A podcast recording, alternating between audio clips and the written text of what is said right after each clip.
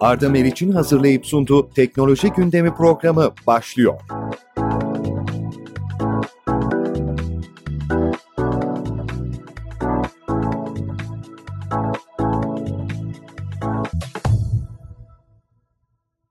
Merhaba sevgili dinleyiciler. Arda Meriç ile teknoloji gündemine hoş geldiniz. Bugünkü değerli konu değişim doktorunun kurucusu Serhat Tatlı. Hoş geldin Serhat. Hoş bulduk. Merhaba Arda'cığım. Sesini duyduk. Daha iyi olduk. Uzaklardasın çünkü. Evet, evet. Almanya'da yaşıyorum. Haklısın. Uzun yıllardır Türkiye'nin önde gelen firmalarında genel müdür, CEO, yönetim kurulu üyeliği gibi çeşitli görevlerde bulundun. Bu tecrübeye sahip olurken geçirdiğin kariyer gelişiminden dinleyicilerimize biraz bahseder misin? Başarıya giden yolu da e, dinleyicilerimize aktarmış olduk. E, eksik olma. Çok teşekkür ederim e, nazik sözlerin için. Doğru, uzun yıllar profesyonel olarak çalıştım. E, profesyonel kimliğimle de e, uzun yıllar Tekofax Panasonic'te e, genel müdürlük, e, icra kurulu üyeliği yaptım. Sonrasında girişimci e, olduğum günler başladı ve yönetici ortak olduğum e, şirketler oldu. Dünyanın en büyük dijital pazarlama ajansı ağı Kanada merkezli e, WSI'nin e, Türkiye kurucu ortağı bir yöneticiliğini yaptım. Hakeza dünyanın en büyük liderlik gelişim danışmanlık firmalarından birisidir Linkage, Boston, Massachusetts merkezli. Onun Türkiye ofisi ki Türkiye ile birlikte 13 ülkenin daha bağlı olduğu bir hub, bir bölgedir Türkiye. Onun yönetici ortaklığını yaptım. E, değişim e, doktoru markasıyla da globalde de Doctor of Change markasıyla da e, başta Türkiye ve Avrupa olmak üzere hem Kuzey Amerika'da hem Uzak Doğu'da global müşterilerim ki bunlar kendi sektörel dikeyinin genelde en büyüğü olan şirketler bunlara değişim dönüşüm yolculukları, strateji, liderlik gelişim, işleri yapma, işleri tamamlama diye çevirebiliriz Türkçe'ye İngilizce'de, Türkçe'de de kullanıyoruz artık ama execution dediğimiz eksekutif e, kişilerin e, rolleri e, diyebiliriz. E, bu konularda e, danışmanlık yapıyorum. Şimdi e, bu e, değişim doktoru ve değişim akademisi konusunun çıkışı da şöyle oldu. Ben e, Panasonic'in başındayken buraya başlamıştım. E, bitirdiğimde girişimciydim. Doktora tezimin konusu da değişim yönetimi üzerineydi. Dolayısıyla ne doktorsun sorusuyla o kadar çok karşılaştım ki özellikle LinkedIn vesaire gibi sosyal medya platformlarında da teker teker işte işletme okudum, doktora tezimi şunda yazdım, bunda yazdım demektense değişim doktorunu e, marka olarak kullanmak, e, tescillemek suretiyle benim hayatımı da kolaylaştırdı. Doğru da bir iş oldu işin doğrusunu istersen. İşin içine e, değişim girdiğinde, transformasyon girdiğinde ki son dönemde de tabii hepimizin kulağında olduğunu düşünüyorum bu dijital dönüşüm konusu. Bir ikincisi de kültür dönüşümü konusu. Bu dijital dönüşüm ve kültürel dönüşüm e, bugün dünyadaki e, tepe noktasındaki şirketlerin e, hemen tamamının %90'ından fazlasının önünde duran ilk üç başlıktan birisi. C-suite'ler, CEO'lar için söylüyorum bunu. Yapılan araştırmalar söylüyor bunu. Çünkü dünya çok büyük bir hızla dijitalleşiyor ve organizasyonların kültüründe de çok ciddi bir transformasyon gerekiyor özellikle yeni nesil küreselleşme ve yeni nesil kuşakların da iş hayatına girmesiyle birlikte hem müşteri dinamikleri hem çalışanın beklentileri açısından dinamikler çok büyük bir hızla değişiyor. Dolayısıyla en genel hatlarıyla yani geçtiğimiz 20-25 yılda ki bunun çok uzun bir e, kısmı da zaten aralıksız İstanbul'da geçti. En genel hatları profesyonel girişimci kimliğim, danışman kimliğimle böyle seyretti Ardacığım e, daha hani detayda söylemem anlatmamı istediğin kısım varsa e, orasına biraz daha detay gireyim. Çok kısım var. Oralara gireceğiz yavaş yavaş. Özümseyerek devam edeceğiz. Türkiye'nin önde gelen girişimci mentor ve global danışmanlarından bir tanesi olarak girişimcilik, mentorluk ve global danışmanlık terimlerini bize biraz açar mısın? Hatta bunlara en önemlisi olarak değişim yönetimi danışmanlığını ekleyerek soruyu tamamlayayım. Tabii çok teşekkür ederim. Aslına bakarsan birbirine ciddi anlamda karışan üç tane terim var. E, bunlardan birisini ben kendi yaptığım işlerle özellikle e, kullanıyorum. E, bu daha doğrusu birebir de yaptığımda birisini şirketlerle yaptığımda da bir diğerini kullanıyorum. Bu üç kavram koçluk, mentorluk ve danışmanlık konuları e, insanlar genelde konuşmaya başladıkları zaman hani bana bir koçluk yapsana, işte senin mentorun var mı? işte kime danışmanlık veriyorsun gibi sanki bunların her biri bir diğerinin yerine geçebilir gibi düşünüyorlar e, sevgili Arda ama işin doğrusu e, bunların arasında radikal farklar var. E, koçluk insanlara özellikle şunu yapmalısın, bunu yapmalısın, ben olsam böyle yapardım ya da geçmişte ben bunu böyle yapmıştım, böyle oldu şeklinde daha yönlendirici, tavsiye niteliğinde bilgi aktarıcı e, rolünü üstlenmemesi gereken kişi. En temelde koçluk disiplininin e, nosyonu doğru soruları sormak suretiyle kişiye kendisine ve fikirlerine ayna tutabilme imkanını sağlamaktan ibaret. Yani koçluk doğru ve güçlü soruları sorabilme sanatıdır. Mentorluk dediğimiz konu ise insanın daha çok kendi başından da geçen, yaşanmışlıkları olan, aradaki ilişkinin sadece bir profesyonel alışverişten ziyade daha bir tanışıklık ve güven esasıyla da hareket ettiği, cümlelerin içinde sen olsan ne yaparsın nasıl ki bir koçluk sorusuysa mentorluk kanadında da ben olsam böyle yaparım, ben böyle yapmıştım, sen de böyle yapmayı düşünür müsün? Sorusu bir mentorluk sorusudur mesela. Danışmanlık dediğimiz konu ise bu ikisinden daha da farklı. Şöyle yapmalısın diye daha net tavsiye niteliğinde direktif demeyelim ama senin şunu şunu yapman senin adına, şirketin adına, çalışanların adına daha iyi ve doğru olur. Çünkü dünyadaki şu şu şu örnekler bu bu bu firmaların ilgili araştırma raporlarındaki bilgilere dayanarak kendi tecrübelerimden de damıtmak suretiyle şunu yapman gerektiğini düşünüyorum der danışmanda.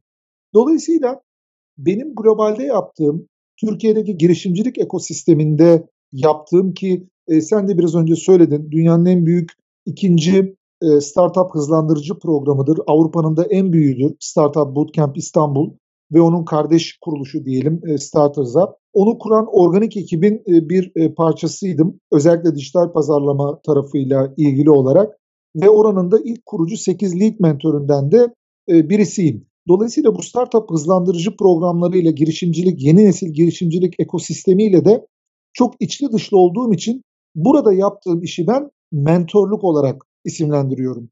Yani işim bu girişimcilere, bazen bunlar genç kardeşlerimiz olabiliyor ya da benim akranım olan arkadaşlarım, dostlarım olabiliyor ya da daha da büyüklerimiz olan daha kıdemli girişimciler de yeri geliyor olabiliyor. Belirli sektörel dikeylere yeni girişim yaptıkları için tabii o tecrübeli insanlara o dikeylerle ilgili fikirlerimizi aktarıyoruz. Orada yaptığım işe mentorluk diyorum. Danışmanlık tarafına gelince değişimdoktor.com diye e, web sayfamda ilgili referanslar e, vardır e, şirketler olarak. Bu şirket şimdi bu yayında bunların isimlerini vermem doğru olmaz. Bu şirketler kendi sektörel dikeyinin uluslararası platformda genelde ilk üçünde bilemedin ilk dördünde olan şirketlerdir. Yani gazlı içecek varsa aklınıza gelen o birinci firma hangisi ise o müşterim. Ya da Türkiye'de dünyada otomobil deyince aklına gelen yani iki markadan birisi hangisi diyorsan o benim müşterimdir. Bunlarla e, yaptığım ise danışanlarım diyorum. Onlara yaptıklarım değişim, dönüşüm yolculukları, liderlik gelişimleriyle ilgili danışmanlık oluyor. Yani bildiklerimi, gördüklerimi, deneyimlediklerimi, akademik olarak öğrendiklerimi bence sizlerin şunları yapmanız daha doğru olur diye onların genel müdür, icra kurulu ve yönetim kurullarından başlamak suretiyle direktörler, grup başkanları ve kıdemli yönetici pozisyonlarına kadar genelde onlara danışmanlık yapıyorum. Dolayısıyla hani bu sorunun cevabını biraz kapsamlı verdim. Sebebi insanların kafasında çünkü sürekli birbirine e, karışan, bir netlik arz etmeyen, hani danışmanlıktan koçluk bekledikleri, koçtan mentörlük bekledikleri ya da mentörden danışmanlık bekledikleri bir kavram karmaşasının içinde kalabiliyoruz. Bunların her birinin disiplinleri farklı, prensipleri farklı, nosyonları farklı ve işin mizahi tarafı olsun ama bütçe ve fiyatlandırma yaklaşımları da tabii kesinlikle farklı. Önemli ayrıntıya değinmemin sebebi de mentorluk, koçluk ve danışmanlık noktalarında farklılıkların aslında keskin çizgilerle olması ancak bu tür işleri gerçekleştiren insanlar veya firmaların sanki herkes aynı işi yapıyormuş gibi gözükmesinden kaynaklı bir soru işaretini gidermekte. Sen de çok, çok güzel Çok e, tam manasıyla e, bunları aktarmış oldun. Çünkü çok önemli bir detay. İnsanlar ne almak istediğini bilecek ki e, karşı tarafta verdiği şeyin doğru e, noktaya ulaştığını bilsin, emin olsun. E, peki Değişim Doktoru gerçekten çok başarılı bir girişim. Uluslararası düzeyde başarı yakaladı. Yakaladığım başarıyı da rahatlıkla söyleyebilirim. Peki Değişim Doktoru neler yapıyor? Marka ve şirketlere ne gibi faydalar sağlıyor? Yani değişim şart diyenler için sunulabilecek hizmetleriniz neler? Teşekkür ederim e, Arda. Şöyle e, özetleyeyim e, işin doğrusunu istersen.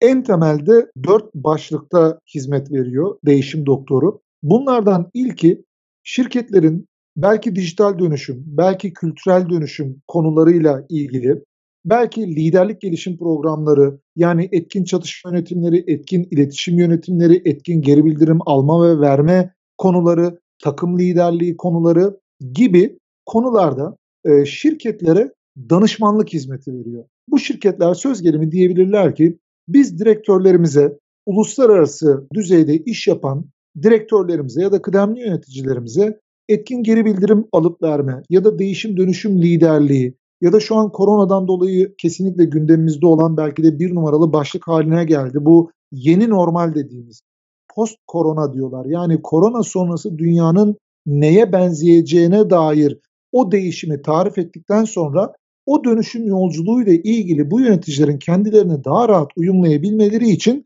bize eğitim ve danışmanlık verir misin derler şirketler. Dolayısıyla ben de network'ümdeki danışmanlarla birlikte bazen tek, bazen 3, 4, 5 kişilik ekipler halinde bu şirketlere söz konusu başlıklarda eğitim ve danışmanlık hizmeti veririm. Bu birinci kısmı. İkincisi şirketlerin hemen her yıl en az bir kere yaptıkları ya da yapmak durumunda oldukları diyelim çalıştaylar var. Bunlar strateji çalıştayları, değişim çalıştayları ya da inovasyon çalıştayları olarak isimlendirilebiliyor şirketler tarafından.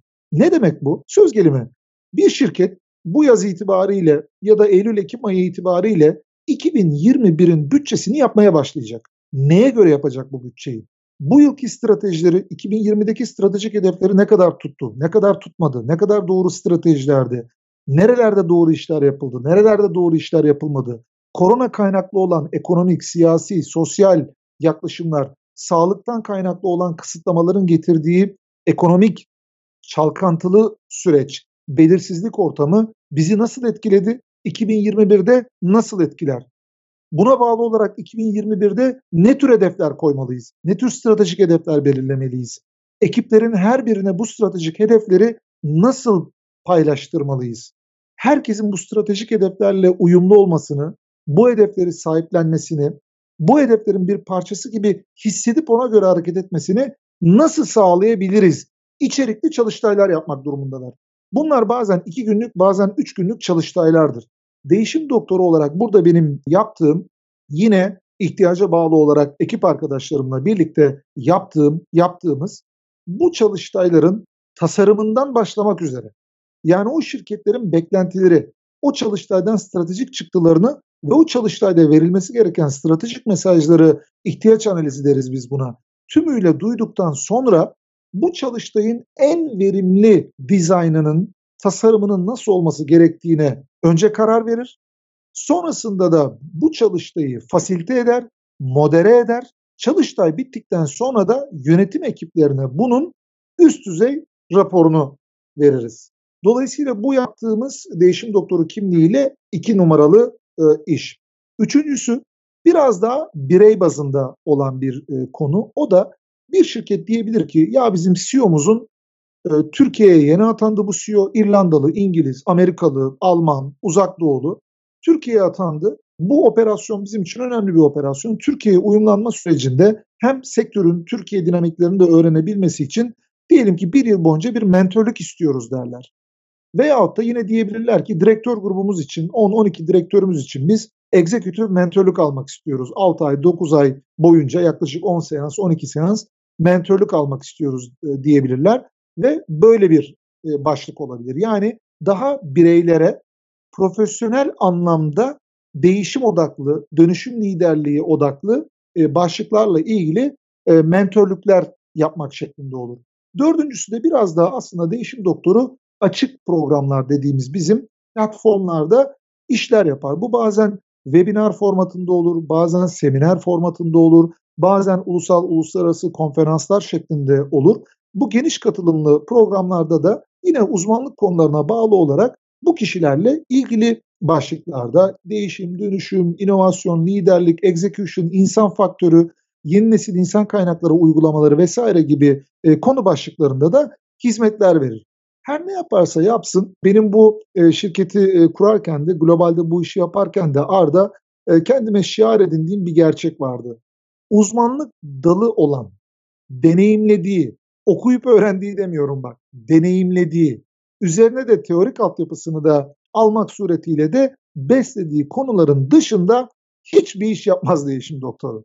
Adından da anlaşılabileceği gibi profesyonel kimliklerin iş hayatında bu konu başlıkları ile ilgili yapması gereken konularda görev ve sorumluluk alanlarında onlara destek olma hedefiyle yola çıkmıştır ve bu konuda da aynen devam ediyor. Çünkü e, bizim kültürde biliyorsun şunu yapar mısın? Yaparız. Bunu yapar mısın? Yaparız. Hani biz küçükken nereye gitsen jeton bulunur diye bir kağıt yazılı olur ya duvarlarda. Hani manava gidersin jeton bulunur. Kırtasiyeye gidersin jeton bulunur. Ya arkadaş bir memlekette herkes her şeyi bilmez ki. Uzmanlık diye de bir şey var. Herkesin uzman olduğu konulara dair en azından e, danışmanlık, mentörlük, koçluk ne dersek diyelim artık buna e, fikir beyan etmesinin sağlıklı olduğunu düşünüyorum. E, zira herkesin fikri var. Her konuda fikri var. E biz hepimiz her konudaki fikrimizi beyan etmeye başlarsak o zaman bunun adı fikir zenginliği, fikir çokluğu değil, uğultu oluyor. Gürültü oluyor arada. Dolayısıyla e ben buna e, özen göstermeye gayret ediyorum kendi adıma. Evet, profesyonel olarak işini idame ettirmek çok önemli. Ee, ben de yurt dışında yaşarken Amerika'da en dikkat ettiğim şey buydu. E, çünkü bir otomobil tamircisine gittiğimiz zaman burada her türlü araçla ilgili işlemi yaptırabiliriz. Ancak Amerika'da bir gün ben bizzat otomobille ilgili bir problem oldu. Hemen girdim bir e, otomobil tamircisine lastikçiymiş. Dedim ki şu bir kaynatma yapıyor, bir şey yapıyor. Verdiği cevap şuydu. Ben e, anlamam sadece lastik değiştiririm. Şimdi bu net bir şekilde profesyonelleşmeyi, insanların kategorileşmesini gayet net bir şekilde anlatıyor. Çünkü profesyonelleşmek başarıyı da beraberinde getiriyor. Yani bir insan Çok her doğru. şeyi yapar pozisyonuna girdiği zaman o işten tam manasıyla bir başarı gelmiyor. Eğer motor tamir ediyorsan motor tamir edeceksin, lastik değiştiriyorsan lastik değiştireceksin, mentörlük yapıyorsan mentörlük yapacaksın, danışmanlık veriyorsan danışmanlık vereceksin. Ama ne yaparsan yap işini hakkıyla yerine getirmek Şüphesiz. gerekiyor. Sevgili dinleyiciler Arda Meriç ile teknoloji gündemi hızıyla devam ediyor. Konum Doktor Serhat Tatlı. Evet Serhat, şimdi verdiğiniz hizmetlerden, değişim doktoru olarak verdiğiniz hizmetlerden bahsettim. Benim dikkatimi çeken bir hizmet var orada. Bu hizmetlerin arasında en dikkat çekici buydu. Oyunlaştırma diye bir hizmet var. Oyunlaştırma nedir? Markalara, firmalara e, ne gibi avantajlar sağlar? Şimdi oyunlaştırma aslında kelimenin kökü itibariyle de anlaşılması da son derece kolay. Oyun. Peki bu oyun nedir dersek biraz daha profesyonel kimlikli iş hayatının içindeki insanların hep böyle bir ciddi olalım, ciddi işler yapalım, aman ciddiyetten ödün vermeyelim, gülümsemeyelim, kahkaha atmayalım. Eğlenme faktörü, eğlence faktörü, iş yaparken keyif alma faktörünü nedense bir önceki nesil yani bizden de önceki nesil diyelim biz kendimizi eğer X kuşağı olarak nitelendirirsek en azından hani 1980 ve öncesi doğanlar için söylüyorum bir önceki kuşağın bize öğrettiği maalesef doğru bildiğimiz yanlışlardan birisi. Biliyoruz ki özellikle yeni nesil gerek iş yaparken gerek bugün artık e, açık platformların en önemli ürünleri, hizmetleri haline geldi. Aplikasyonlar dediğimiz uygulamalar konusunda. Bu uygulamalarla kendimizi daha bağlı, ait, etkileşimli hissedebilmemiz için o uygulamaların, o iş yapış biçimlerinin, ya da şirketin içinde kullanılan yeni nesil dijital çözümlerin bu bazen tedarik zinciri yönetim programları olabilir, müşteri ilişkileri yönetim programları olabilir, kaynak alokasyon takip programları olabilir. Yani literatürdeki tabirleriyle CRM dediğimiz, ERP dediğimiz, SCM dediğimiz ve benzeri e, programlar olabilir. İnsanlar artık bu tür uygulama ya da programları kullanırken biraz daha eğlenmek, biraz daha oyun oynuyormuş gibi de hissetmek ve bütün bunları yaparken aslında sıkılmak istemediklerini açıkça e, ifade eder durumdalar. Oyunlaştırma dediğimiz yöntem bu profesyonel süreçlerin, uygulamaların kullanım şekillerinin biraz daha onları bağlayacak, keyifli hale getirecek bir formata sokma yöntemi.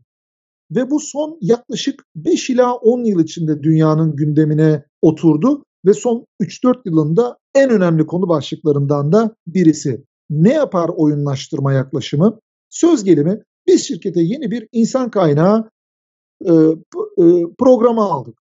Bu insan kaynağı programı ile hedeflediğimiz şey de şu olsun. Diyelim ki herkesin şirketteki herhangi bir konuyu daha iyileştirebilmek, güzelleştirebilmek adına bir fikri olsun ya da fikri olanların bunu paylaşabilme imkanları olsun. Bu imkanların da dijital bir platformda etkin bir şekilde toplayabilelim. Bunun en geleneksel yöntemi neydi? Hani bir fikrim var kutusu vardır ya. Hani kağıda yazarsın o kutuyu atarsın. Hani bence bu programları sabah 9'da yapalım Arda. Ya da bence bu programları gece 11'de yapalım Arda. Ya da bence bu programları 3 saat yapalım Arda gibi ya atıp yazarsın oraya. Bitti. Birileri o kutuyu alır, açar, okur, okumaz, sana geri dönüş yapar, yapmaz. Sen kaç kere fikir paylaşırsın bilmezsin. Bir başkası fikir paylaşmış mı onu da bilmezsin. Fakat oyunlaştırma dediğimiz yöntemle söz gelimi bu programı insanların önüne koymazsak yani arkadaşlar biz işte ilgili e, intranette girerseniz diyelim ki oyun folderına, dosyasına, klasörüne girerseniz orada bir program var. Excel, Word gibi Microsoft Office programı gibi düşünebiliriz mesela.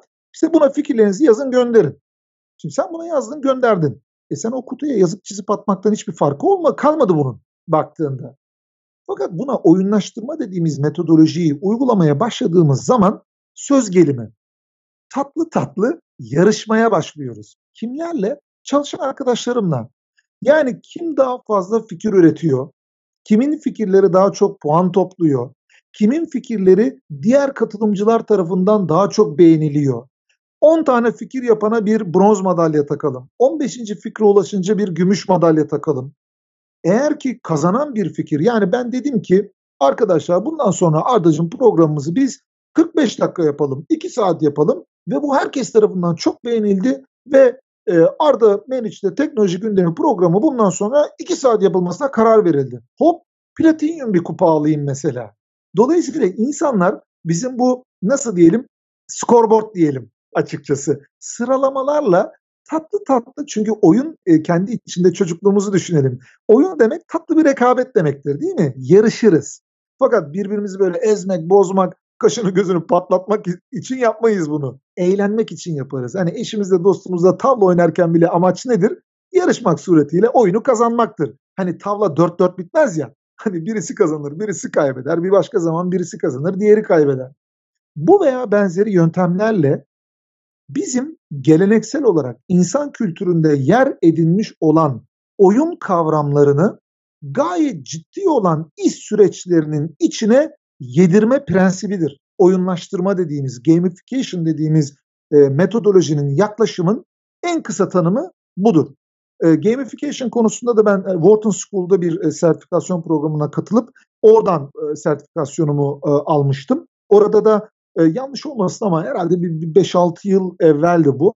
Bunun üzerine tabii şirketlerin pek çok uygulamalarını oyunlaştırma suretiyle daha etkin hale getirebildiklerini de görüyorum. Bu konularda da onlara yardımcı oluyorum. E, burada e, tabii iki türlü e, destek gerekiyor. Bunlardan birisi oyunlaştırmanın teknik altyapısı. Yani bir aplikasyona e, uyumlu hale gelebilecek bir oyunlaştırma arayüzünden bahsediyorsak bu bir dijital iş. Yani yine bizim o developer dediğimiz, coder dediğimiz hani Java uzmanlarına yine işimizin düştüğü işler. Ben bir bilgisayarcı, bilgisayar programcısı, Java vesaire yazılımcısı değilim.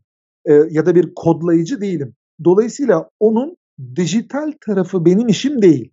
Fakat bunun prensipleri hangi ürünlerin, e, hediyelerin, teşvik edici unsurların, motive edici e, unsurların, dahili ve harici motive edici unsurların, literatürde bunlara intrinsic ve extrinsic diyorlar. Yani e, kimisi daha materyalist e, ödüllerle motive olabilirken söz gelimi bir hediye çeki, bir kitap hediyesi ya da bir e, madalya, e, bir e, omzuna taktığı bir yıldız vesaire. Kimisi daha içten yanmalı motor gibi takdir edilmek, yaptığı işin duyulması, uygulamaya geçirilmesi, söylediklerinin dikkate alınması, değer bulması gibi konularla motive oluyorlar.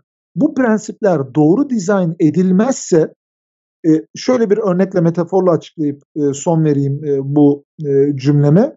Eğer kitabın içeriği ardacım doğru şekilde yoğrulmamışsa yani teması içeriği belirli bir bağlam çerçevesinde inşa edilmemişse, mühendisliği yapılmamışsa o kitabı hangi kitap evinin çıkarttığı, cildinin ne kadar kalın olduğu ya da kitabın ne kadar kalın olduğu, kağıdının ne kadar kuşe vesaire kaç gram kağıttan ibaret olduğu, mürekkebinin ne kadar iyi koktuğu, kokmadığı önemli olur mu? Bir kitabı kitap yapan temel unsur nedir? İçeriğidir, dizaynıdır, tasarımıdır. Kastettiğim tasarım içer, içerik tasarımı. Ondan sonra kitabın sen yayın evine, dışına falan da felana bakarsın. Yani makyaj sonradan gelen bir e, kurgudur. Burada tabii makyaj derken işi küçümsemek anlamında söylemiyorum. Sakın yanlış anlaşılmasın. Bütün bunlar bir araya geldiği zaman aynı bir hediye hediye paketi gibi tamamlayıcı unsur olur. Ama asıl olan kutunun içindekidir. Hediyedir. Hatta o hediyeyi verirken karşıdaki kişiyi düşündüğünü gösteren duygu etkileşimidir. Kutunun içindekinden de ötedir o. O yüzden bazen bir kalem alırsın, bazen boş bir kağıda e, seni seviyorum, iyi ki varsın yazarsın ya da seninle 10 yıldır birlikte çalışıyoruz, iyi ki iş arkadaşımsın yazarsın. Ona böyle hani markasını söylemeyeyim, hani 500 euroluk bir dolma kalem vermekten çok daha kıymeti de geçebilir. Dolayısıyla e, bu gamification dediğimiz oyunlaştırma kurgusunda da içeriği ne kadar doğru tasarlıyorsan, oyunlaştırma yapılacak süreç ne kadar dikkatli analiz edilmişse, hangi temalarla hangi kişilerin kullanacağının persona analizleri, kişilik analizleri yapıldıktan sonra onlar için uygun olacak oyun dinamikleri entegre edildikten sonra dersin ki aşçıya yemek bu, tarif bu, malzeme bu, bunu pişir. Yazılımcı da, coder da onu pişirir ve yiyenler de afiyetle yer ve insanlar 5 fikir, 10 fikir paylaşıyorken bir bakmışsın yüzlerle, binlerle ifade edilen fikirler paylaşılıyor. İnsanlar yarışıyor ve bundan da büyük bir keyif alıyor sosyal medya dünyasında ister Facebook diyelim, ister Twitter diyelim, Instagram diyelim. Hani bu fav, retweet, e, share, paylaş, beğen butonları var ya bunların tamamı oyunlaştırma disiplininin aslında gündelik hayatımıza giren en doğal, en alışkanlık haline gelmiş örneklerinden. İşte beni kaç kişi beğendi? Aa bu sefer 10 kişi daha fazla beğenmiş. Aa bu sefer bir daha şunu yapayım ki daha çok beğeneyim. Aa Arda'nın paylaşımını 50 kişi beğenmiş. Benimkini 20 kişi beğenmiş. Dur ben bir dahakine daha güzel paylaşım yapayım. Arda'nınkinden daha çok paylaşılsın, daha çok beğenilsin vesaire. Aslında sosyal medya platformlarının bu kadar yaygına gitmesi de insanları on binler, yüz binler değil, milyonlar, milyarlarca insanın birbiriyle tatlı tatlı rekabet etme hali. Bak bu sebeple 2 milyar, 3 milyar abonesi olan sosyal medya platformları var. Bundan hiçbir farkı yok inan. Zaten tür çalışmaları gerçekleştiren firmaların da başarı yakaladığını rahatlıkla görebiliyoruz. Çünkü bir rekabet ortamı da e, oluşmuş oluyor. Bu rekabet ortamı ile birlikte firmada aynı şekilde güçlenmeye devam ediyor. Hem çalışanları değişik bir e, çalışma stiline kavuşmuş oluyor. Diğer firmalardan farklı bir e, analiz yeteneğine de sahip oluyor. Hem eğlenceli aynı zamanda hem de firması da daha gelişmiş noktalara geliyor. Peki e, COBİ'lerimizin ve orta ölçekli firmalarımızın merak ettiği önemli bir konu var. Dijital pazarlamanın önemi. Dijital pazarlamanın önemi marka ve şirketler için gerçekten çok büyük. Hatta özellikle şu dönem için olmazsa olmaz diyebiliriz. Dijital pazarlamadan bize biraz bahseder misin? Marka ve şirketlere getirdikleri nelerdir? Yani çok fazla bilgi kirliliği var bu konuda. Bu konunun uzmanı olarak dinleyicilerimize aktarmak istedikleri nelerdir? Tabii. Aslına bakarsan işin ruhunu kaybettirmemek gerekiyor. Dijital pazarlamanın ruhunda aynı o iki kelimenin bir araya gelmesi gibi iki yaklaşım var. Bunlardan birincisi pazarlama yaklaşımı, diğeri dijital yaklaşımı. Yani dijital pazarlamaya salt pazarlama nosyonuyla baktığın zaman da hata ediyorsun.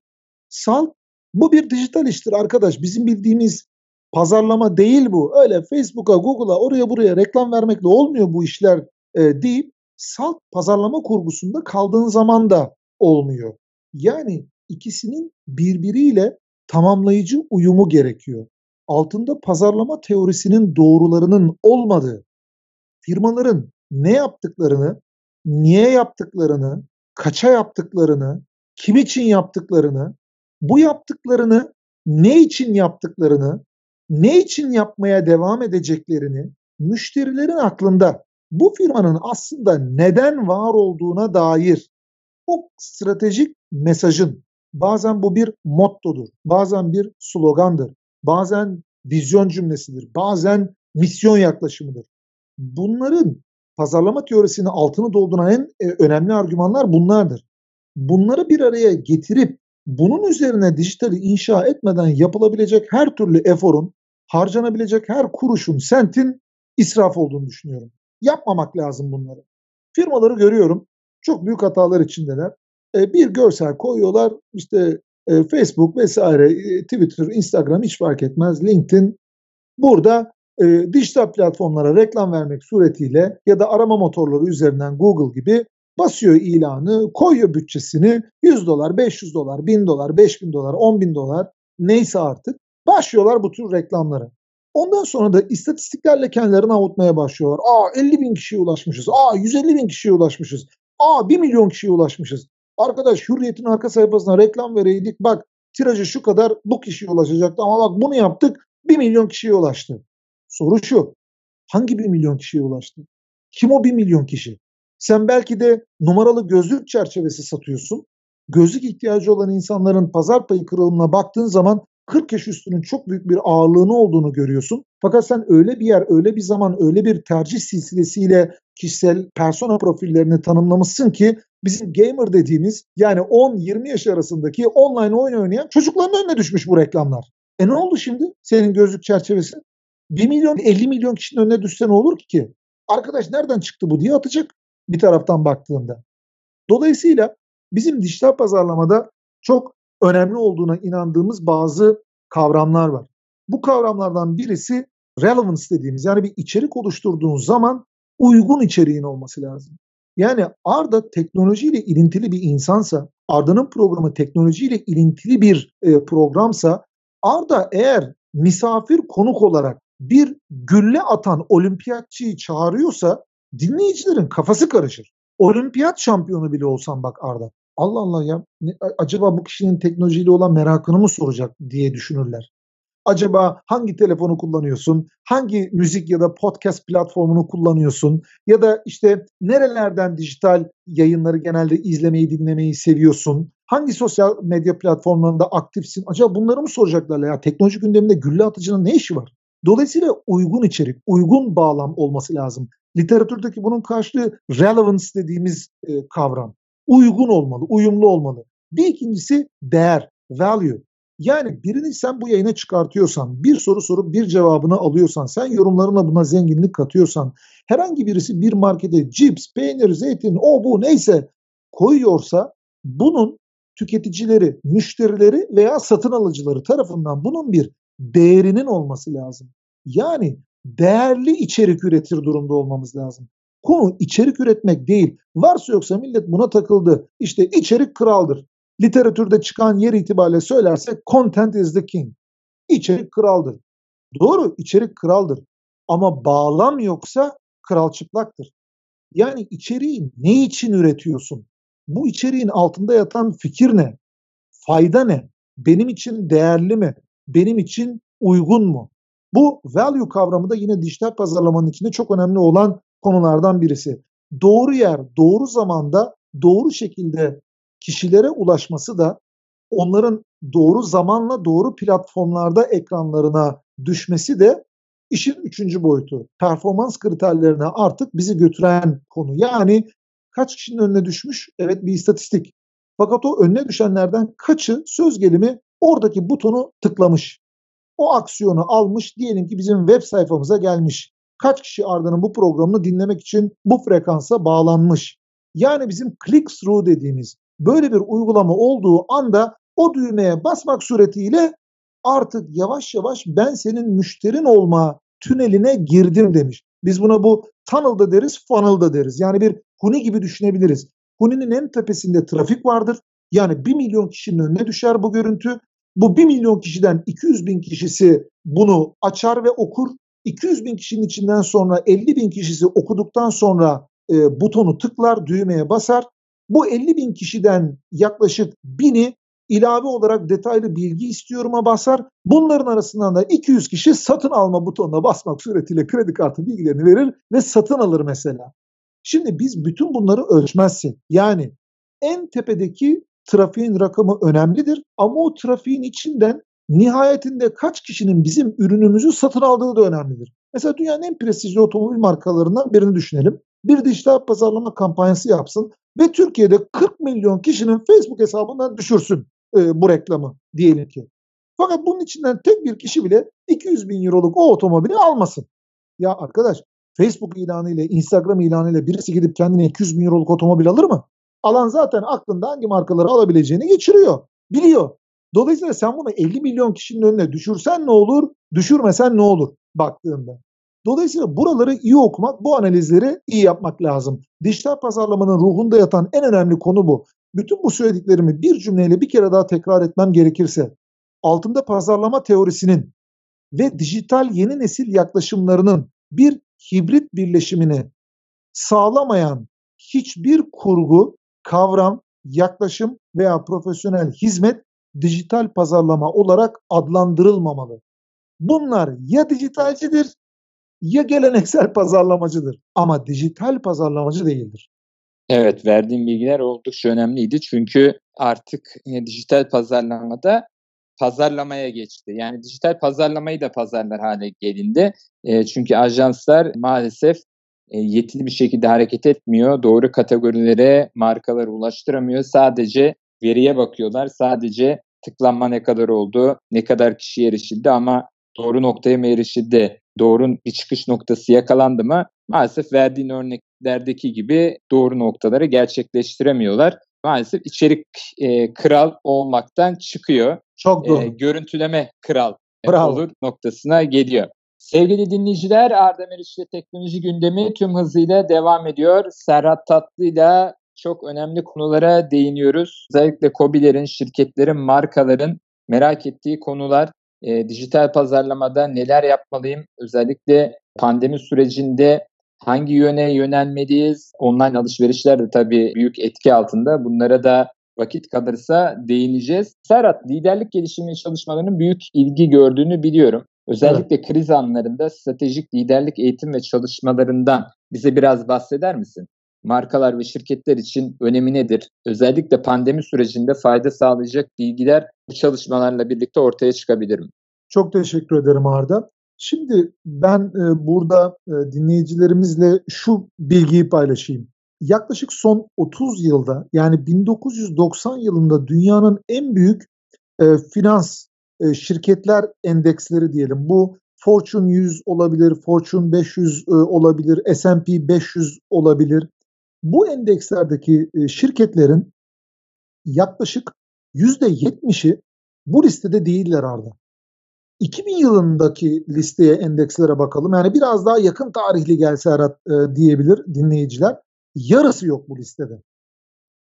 Bunların da yaklaşık yarısı yani o ilk listedekilerin %30-35'i üçte biri neredeyse artık bırak bu endeksleri aramızda yoklar. Yani halk tabiriyle konuşalım batmışlar. Gitmişler. Un ufak olmuşlar. Bir başka örnek vereyim. Mesela S&P 500, Standard Poor's 500 endeksi 1960'larda da var bu endeks. Aynı S&P, yani aynı Standard Poor's, aynı S&P 500. Oradaki şirketlerin ortalama yaşı yaklaşık 75 arda. 75 yaşındaymış oradaki şirketler. O zamanlarda. Yani 19. yüzyılın ortasından itibaren kurulan şirketlermiş bu şirketler. Bugün aynı S&P, aynı S&P 500 ve bugün o S&P 500 endeksinde yer alan şirketlerin ortalama yaşı 20-25 altında. Dolayısıyla şirketler gençleşmiş diye sevinelim mi biz? Yani batmış şirketler çıkmışlar bu endekslerden. Daha gençler girmiş bu endekslere. Öyle söyleyelim. Peki bunlar neden olmuş? koca koca şirketler, yılların en başarılı işte 100 yıllık çınarları neden gümlemişler? Çünkü dünya müthiş bir değişim hızında. Dijital dönüşümü yakalayamamışlar. Demografik değişimler, yeni kuşakların iş hayatlarına girişi, müşteri e, profillerine katılımlarıyla birlikte şimdi kaç kişi babasının gömlek aldığı mağazadan gömlek alıyor? Kaç kişi babasının alışveriş yaptığı elektronik mağazasından alışveriş yapıyor? Ya da kaç kişinin alışveriş yaptığı mağazadan annesi de gidip elektronik ürün alıyor? Annemizin babamızın alışveriş yaptığı bakkala mı gidiyoruz yoksa kendi alışkanlıklarımız olduğu süpermarketlere mi gidiyoruz? Hangimiz annemizin babamızın çalıştığı bankayla çalışıyoruz mesela? Şimdi demek istediğim insanların, müşterilerin gerek çalışan gerek satın alan tarafından baktığımızda beklentileri değişmiş. Bu değişime firmalar ya ayak uydurabilmişler, uyumlanabilme yeteneği diyoruz. Ya esneklik sayesinde kendilerini de bunun bir parçası, bu değişimin parçası olarak kabul ettirebilmişler. Dolayısıyla bu iki kavram yani uyumlanabilirlikle esnekliği bir araya getirdiğimiz zaman açığa çıkan o e, değerdir, kavramdır, çeviklik kavramı. Yani ya bu çevikliği gösterebilmişler ya da gerekli çevikliği getirememek suretiyle nehirden su içmeye çalışan ceylan misali timsaha ya da aslana yem olup göçüp gitmişler. 2-2-4. Değişimin bu kadar hızlı olduğu, VUCA dünyası dediğimiz yani değişkenliğin, belirsizliğin, karmaşıklığın, anlaşılmazlığın zirve yaptığı bu dünyada şirketlerin artık bırak birbirleriyle rekabet edip en tepedeki şirket olmayı artık hayatta kalmak için bile çok ciddi mücadele verdikleri bir noktaya geldik. İnan bana ortam, iş hayatı National Geographic ya da Discovery Channel'da izlediğimiz o hayvan belgesellerinden çok da farklı değil. Hayatta kalmak o temiz içme suyu ya da besin e, zincirinin içinde kendine yer bulabilmek şirketler için oldukça zor.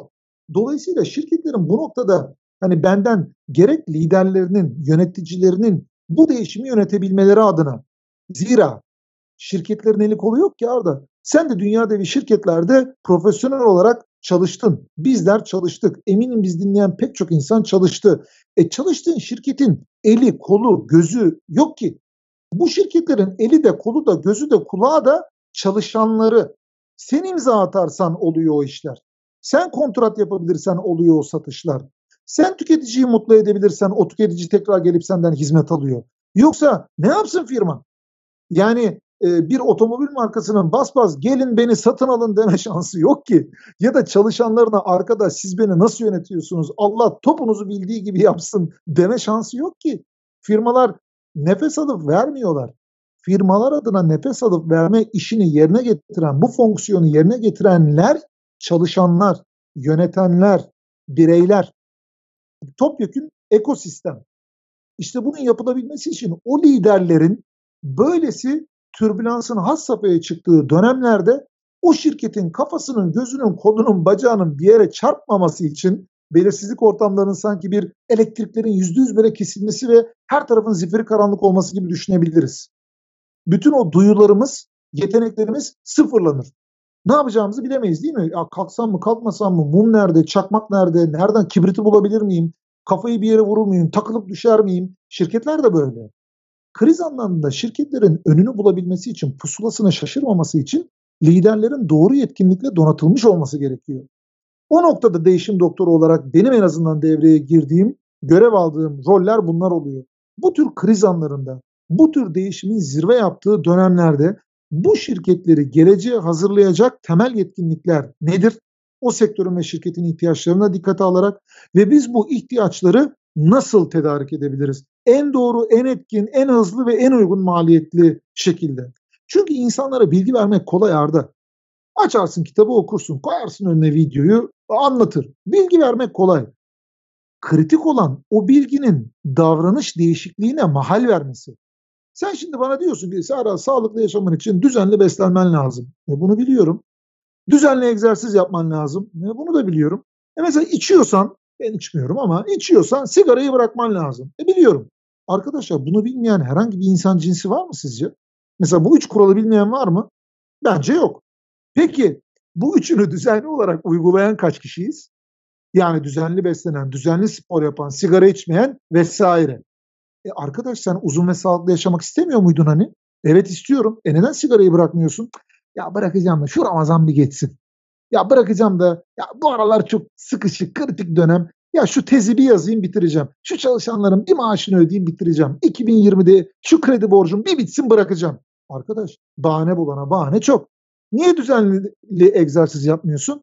E valla spor salonuna üye oldum. Aynı Hocam Yılmaz'ın dediği gibi spor salonuna yıllık üyeliği yapıyorsun biliyorsun. Yaptığın gibi böyle bir 10 kilo verdiğini zannediyorsun. Arkadaş senin o spor salonundan fayda yaratabilmen için oraya haftada 2 kere 3 kere neyse gidip en azından o ağırlıkları işte 8 kere 3 set vesaire kaldırman indirmen lazım. Eğer sen bunları yapmazsan olmaz. Ya da ya, ya ben Arda'yı çok seviyorum. Spor salonuna da gidiyorum. Ben kendim için 3 set 10 kez kaldırdım bu kol kası ağırlıklarını. Ya Arda da benim çok sevdiğim bir kardeşim. 2 set de onun için kaldırayım hadi. Yani benim kol kası çalışmam Arda'nın kol kaslarını geliştiren bir şey değil ki. Şirketlerde bizim bu delegasyon dediğimiz, yetki göçerimi dediğimiz hani yöneticilerin böyle Clark Kent kılıklı, Superman kılıklı e, profesyoneller vardır ya süper kahraman olarak. Herkesin imdadına yetişirler. Her işi onlar yaparlar. Her sunumu onlar yaparlar. Her sorunun cevabı onlardadır. Gençler adına onu yapar, bunu yapar. E ondan sonra der ki e, kime delege edeyim? Altımda delege edecek adam yok, kadın yok. Acaba neden yok? Onları geliştirmediğin için olabilir mi? Onlara doğru yer ve zamanda inisiyatif vermediğin için olabilir mi? Sen yedeklenmiyorsan söz gelimi korona ile ilgili bir durum oldu. Rahatsızlandın. Aktif olarak iş hayatına gidemiyorsun, gelemiyorsun, bulunamıyorsun vesaire. E kim yapacak senin işlerini? Bizim yedekleme dediğimiz şirketlerde globalde bunlara succession plan diyorlar. Yani senin yedekleme sistemlerin gelişmediyse şirketlerin nasıl sürdürebilirliğinden bahsediyoruz? Mesela bir takıma bir teknik direktör sürekli şampiyon yapıyor ama o teknik direktör o takımdan ne zaman ayrılsa o takım çuvallıyor. E sen o zaman bu takımdaki sürdürülebilir bir sistemden bahsedebilir misin? Kişiyle kaim demek bu. Yani daimi değil, kişiyle kaim bir durum demek. O kişi gidince çuvallıyorsun demek. Aynı şey devletler, yöneticiler, bakanlar, başbakanlar için de geçerli. Dolayısıyla bu tür yetkinliklerin yöneticilere, şirketler tarafından verilmesi gerekiyor. Bu konuları bilmeleri ve davranış değişiklikleri sağlayabilecek şekilde de içselleştirmelerini sağlamak gerekiyor. Ancak bunlar olduğunda kriz dönemlerinde yetkin kişilerin yönettiği organizasyonlar yetkin ve çevik organizasyonlar olabiliyorlar. Dolayısıyla sen bana sor değişim doktoru ne yapar? Değişim doktoru şirketlere kriz anlarında daha çevik olabilecekleri yetkinlikleri, becerileri sağlayabilmeleri için çalışanlarıyla birlikte bunların aktarılmasını sağlar. En temelde yaptığı iş budur bağışıklık sistemi iyi olan kişiye virüs nasıl çok e, e, bir şey yapamıyorsa krizlerde bağışıklık sistemi kuvvetli olan, çevikliği hat safhada olan, uyumlanabilme yeteneği, esneklik katsayısı yüksek olan, çalışanları birbirine çatır çatır geri bildirim verebilen, çatışma yönetimini çok doğru yönetebilen, saf iletişimin, kaliteli, şeffaf ve daimi iletişimin, bağ kurabilen iletişimin sabit olduğu organizasyonlar krizler söz konusu olduğunda aynen şunu der Ardacığım. Vız gelir, tırıs gider. Dolayısıyla şirketlerin bunu e, bilmesi ve anlaması lazım. Şirketlerin bu gelişimi, süreci çok iyi takip edip çok iyi analiz etmesi gerekiyor. Kesin. Or, orta ölçekli, küçük ölçekli, büyük ölçekli şirket ayrımı yapmadan bir şirket başarı sağlamak istiyorsa dünya yeniden keşfetmeye gerek yok. Senin de söylediğin gibi bazı yapılması gereken kriterler var. Bu gerçekleştirilmesi gereken işlemleri de işin sahibi olan, işin hakim olan kişilerden öneri tavsiye alarak gerçekleştirmeleri kendi büyüme hızlarına çok büyük katkı sağlayacaktır diye düşünüyorum ben de. Peki yaşadığımız bu sürecin, pandemi sürecinin kısa bir sürede düzeleceğini ve eski haline geleceğini düşünüyor musun? Yoksa marka ve firmalar kendilerine gelecek düzen için yeni bir yol haritası çıkarmalı mı? Ardacığım şimdi ben Almanya'da yaşıyorum. Burada çok kısa bir iki bilgi vereyim. Mart ayının başı itibariyle burada ilk vaka göründükten sonra Şubat'ın son haftasıydı hatta. Mart ayı itibariyle yavaş yavaş kısıtlamalar başladı. Her gün böyle ilave kısıtlamalar geldi. Okullar kapatıldı, parklar kapatıldı. Sokakta iki kişiye kadar yan yana gelebiliyorsun. Üçüncü bir kişi olduğu anda yasak oluyor. Yani siz bir grup haline geldiniz, dağılın diyorlardı. Ancak çekirdek bir aileysen yani iki çocuklu, üç çocuklu bir ailesin diyelim ki beş kişilik bir ailesin. Ancak o zaman dört kişi beş kişi yürüyüşe bile çıkabiliyordun. Sonrasında bir kişinin bir bulaş oranı denen bir oran var. E, Türkiye'de aslında e, bazen bazı profesörler buna gönderme yapıyor ama çok gündelik hayatımızda takip ediyorum haberlerde de sosyal medyada da çok konuşmuyoruz bunun. Bir kişinin bu hastalığı kaç kişiye bulaştırdığı rakamı. Bu üçlerden dörtlerden başlıyor. Yani bir kişi hastalandığı zaman dört kişiye bulaştırdığı zaman bu facia demek. Her şeyin kilitlenmesi demek. Mart ayının sonu itibariyle, Nisan ayının başı itibariyle Almanya 1.2'ye çekti bu oranı. Yani 10 kişi 12 kişiye bulaştırıyordu bu hastalığı. Angela Merkel çıktı bir halka sesleniş konuşması yaptı. 5 dakika sürdü bu konuşma Arda. Ve sadece rakamlardan bahsetti. Dedi ki şu an itibariyle oranımız 1.2. Eğer dedi biz bu 1.2 oranını koruyabilirsek şu an itibariyle dedi Ağustos 2020 ayına kadar hastanelerimizde bir kapasite sorunu yaşamayız ve insanlar boşu boşuna ölmezler. Eğer bu oranı 1.1'e düşürürsek, bak sadece 1.2'den 1.1'e düşürürsek Ağustos 2020, Ekim 2020 olur dedi. Yani iki ay daha nefes alırız. Bu zaman kazanmak neden önemli? Aşı, ilaç vesaire. Eğer 1'e indirirsek dedi, hayat büyük oranda bu açıdan hastane kapasitesi itibariyle Almanya için normal işleyişine yakınlaşır dedi. Yok eğer biz 1.2'den 1.3'e yükselirsek tekrar dedi. Ağustos 2020, Haziran 2020'ye gelir dedi. Eğer ki 1.4'e çıkarsak Haziran 2020 içinde bulunduğumuz ayın sonuna gelir dedi. Yani kibarca dedi ki eğer ki sosyal mesafeye, maske vesaire kullanımına dikkat etmezsek 10 kişi, 12 değil 14 kişiye ne var ya 2 kişiye daha fazladan bulaştırmışlar diyebiliriz ya bazen. Eğer bunu yaparsak bu ayın sonu itibariyle İtalya'daki, İspanya'daki gibi günde 500, 600, 700 kişi ölür dedi. Net verilerle konuştu. Ve burada jeton o zaman düştü millette Arda. O andan itibaren inan böyle yani yolda yürüyen, giden, gelen vesaire herkes ekstra dikkat etmeye başladı ve 0.6'lara kadar düşürdüler bunu Almanya'da. 0.6 yani 10 kişi hasta olan 10 kişi 6 kişiye bulaştırıyor bunu. Düşün. Yani eve gidiyor, oraya gidiyor, buraya gidiyor bu 10 kişi ama 6 kişiye bulaştırıyorlar toplamda. Muazzam bir oran. Ve bunun üzerine tekrar iyileştirmeler başladı. Sırasıyla okulları yavaş yavaş açmaya başladılar.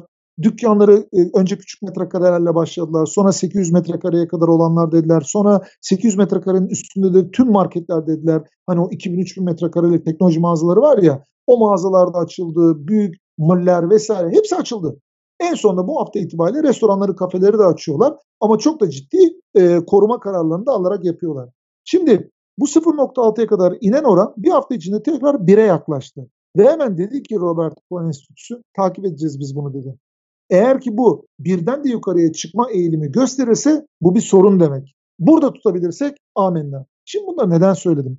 Alman Sağlık Bakanı da Maliye ve Ekonomi Bakanı da ara ara çıkıp bilgiler veriyorlar. Burada verilen bilgiler şunlar. Şubat ayı, Mart ayı itibariyle Alman ekonomisi yaklaşık o aylar bazında geçtiğimiz yılın Şubat-Mart ayına göre %6 ila 10 arasında belli sektörlerde farklılık gösteriyor bu tabii ki küçülme yaşıyor. Amerika'da Nisan ayında sadece yaklaşık 21 milyon kişi işsizlik e, başvurusunda bulundu.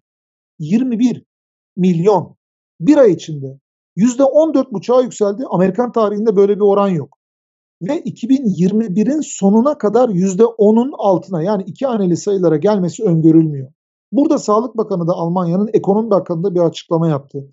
2020 bütçelerinizi gözden geçirin. Hayat bildiğimiz anlamda normale dönmeyecek. 2021'e dair de hazırlıklarınızı yapın dediler.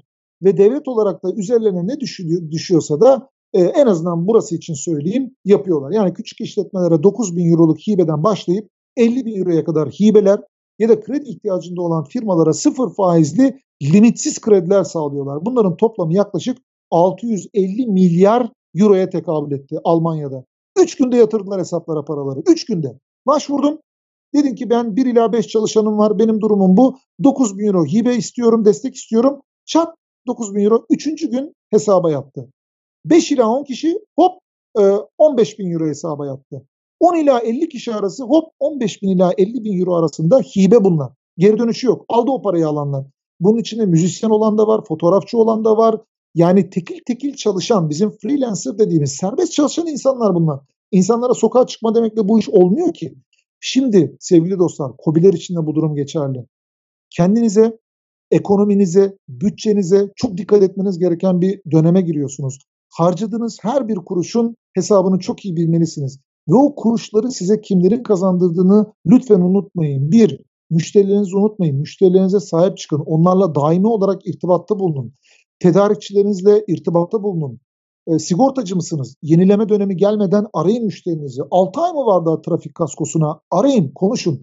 Ya da bir bayi mi? Arayın bayinizi sorun. Bu ay kaç tane mal çekeceksin? Zaten 3 aydır mal çekemiyor. Arayın sorun. Ya da senden bir otomobil almış bir yıl önce. Tamam biliyorsun bir yıl içinde otomobil değiştirecek hali yok ama ara sor. Sağlığınız iyi mi de, e, babanızın yaşı ileriydi, annenizin yaşı ileriydi, bir sorun yoktur inşallah de. Müşterilerinin gönlünü al, hatrını sor, onlara yakın ol. İki, çalışanların sakın ha, sakın ha olabildiği müddetçe e ben bütçeden tasarruf etmem lazım ne yapalım batalım mı hop kapıyı göster sakın bir şirket için bu dönemleri, zor dönemleri nasıl geçirdiği çok önemli. Çalışanlarınıza sonuna kadar sahip çıkın. Bunu söylerken şu bilgiyi de vermem lazım. İnsan vücudunda 6,5-7 litreye kadar kan var.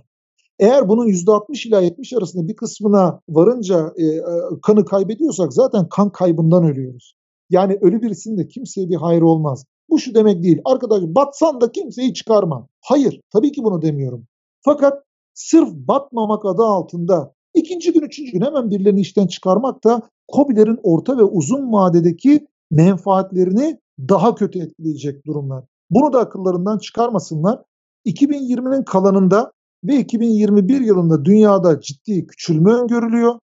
Başta Amerika, Japonya, Almanya, İngiltere, Fransa olmak üzere resesyon öngörülüyor. Ee, İsrail, Yunanistan'da resesyonla birlikte deflasyon yani üzerine bir de fiyatlar da düşüyor. Fiyatlar düşmesine rağmen de kimse satın almayacak. Öngörülüyor. Türkiye'de stagflasyon dediğimiz küçülme olacak, işsizlik düşmeyecek ama enflasyon da düşmeyecek. Yani bu da maalesef çok kötü bir senaryo. Türkiye'de de bunu yaşayacağız ama güzel bir haber var. 2021'in sonu itibariyle dünya ekonomisinde hızlı bir toparlanma öngörülüyor. İşte bu zor dönemde kim bu çeviklenebilme, uyumlanabilme yeteneğine e, sahip çıkar? Kim akçelerini doğru kullanırsa toparlanma süreci başladığında da önce onlar toparlanmaya başlayacak. Evet bu verdiğim bilgiler gerçekten çok önemliydi. Ee, daha soracağım çok soru vardı. Tabii sosyal medyada özellikle LinkedIn tarafında 70 bin üzerinde takipçisi var e, Serhat Tatlı'nın. Bunlarla ilgili de konuşacaktık. Vereceği başka tavsiyeler vardı, yaptığı çalışmalar vardı. Ancak süremiz yetmedi. Kendisini bir program daha e, misafir edip geri kalan soruları da kendisine iletip e, dinleyicilerimize aktarmasını sağlayacağız. Serhat çok teşekkür ediyorum. Çok, ben çok e, teşekkür ederim Arda'cığım. Ben çok teşekkür ederim e, konuk ettiğin için, davet ettiğin için benim programına. Dinleyen herkese de e, en e, gönülden, kalpten sevgilerimi, selamlarımı gönderiyorum. Sevdiklerine, sağlıklarına, işlerine, güçlerine, çalışanlarına sahip çıksınlar. Tabii her şeyin başı öncelikle sağlık. Bunu da unutmamak lazım. Çok teşekkürler. Sevgili dinleyiciler Arda Meriç ile Teknoloji Gündemi bugünlük sona eriyor. Hoşçakalın.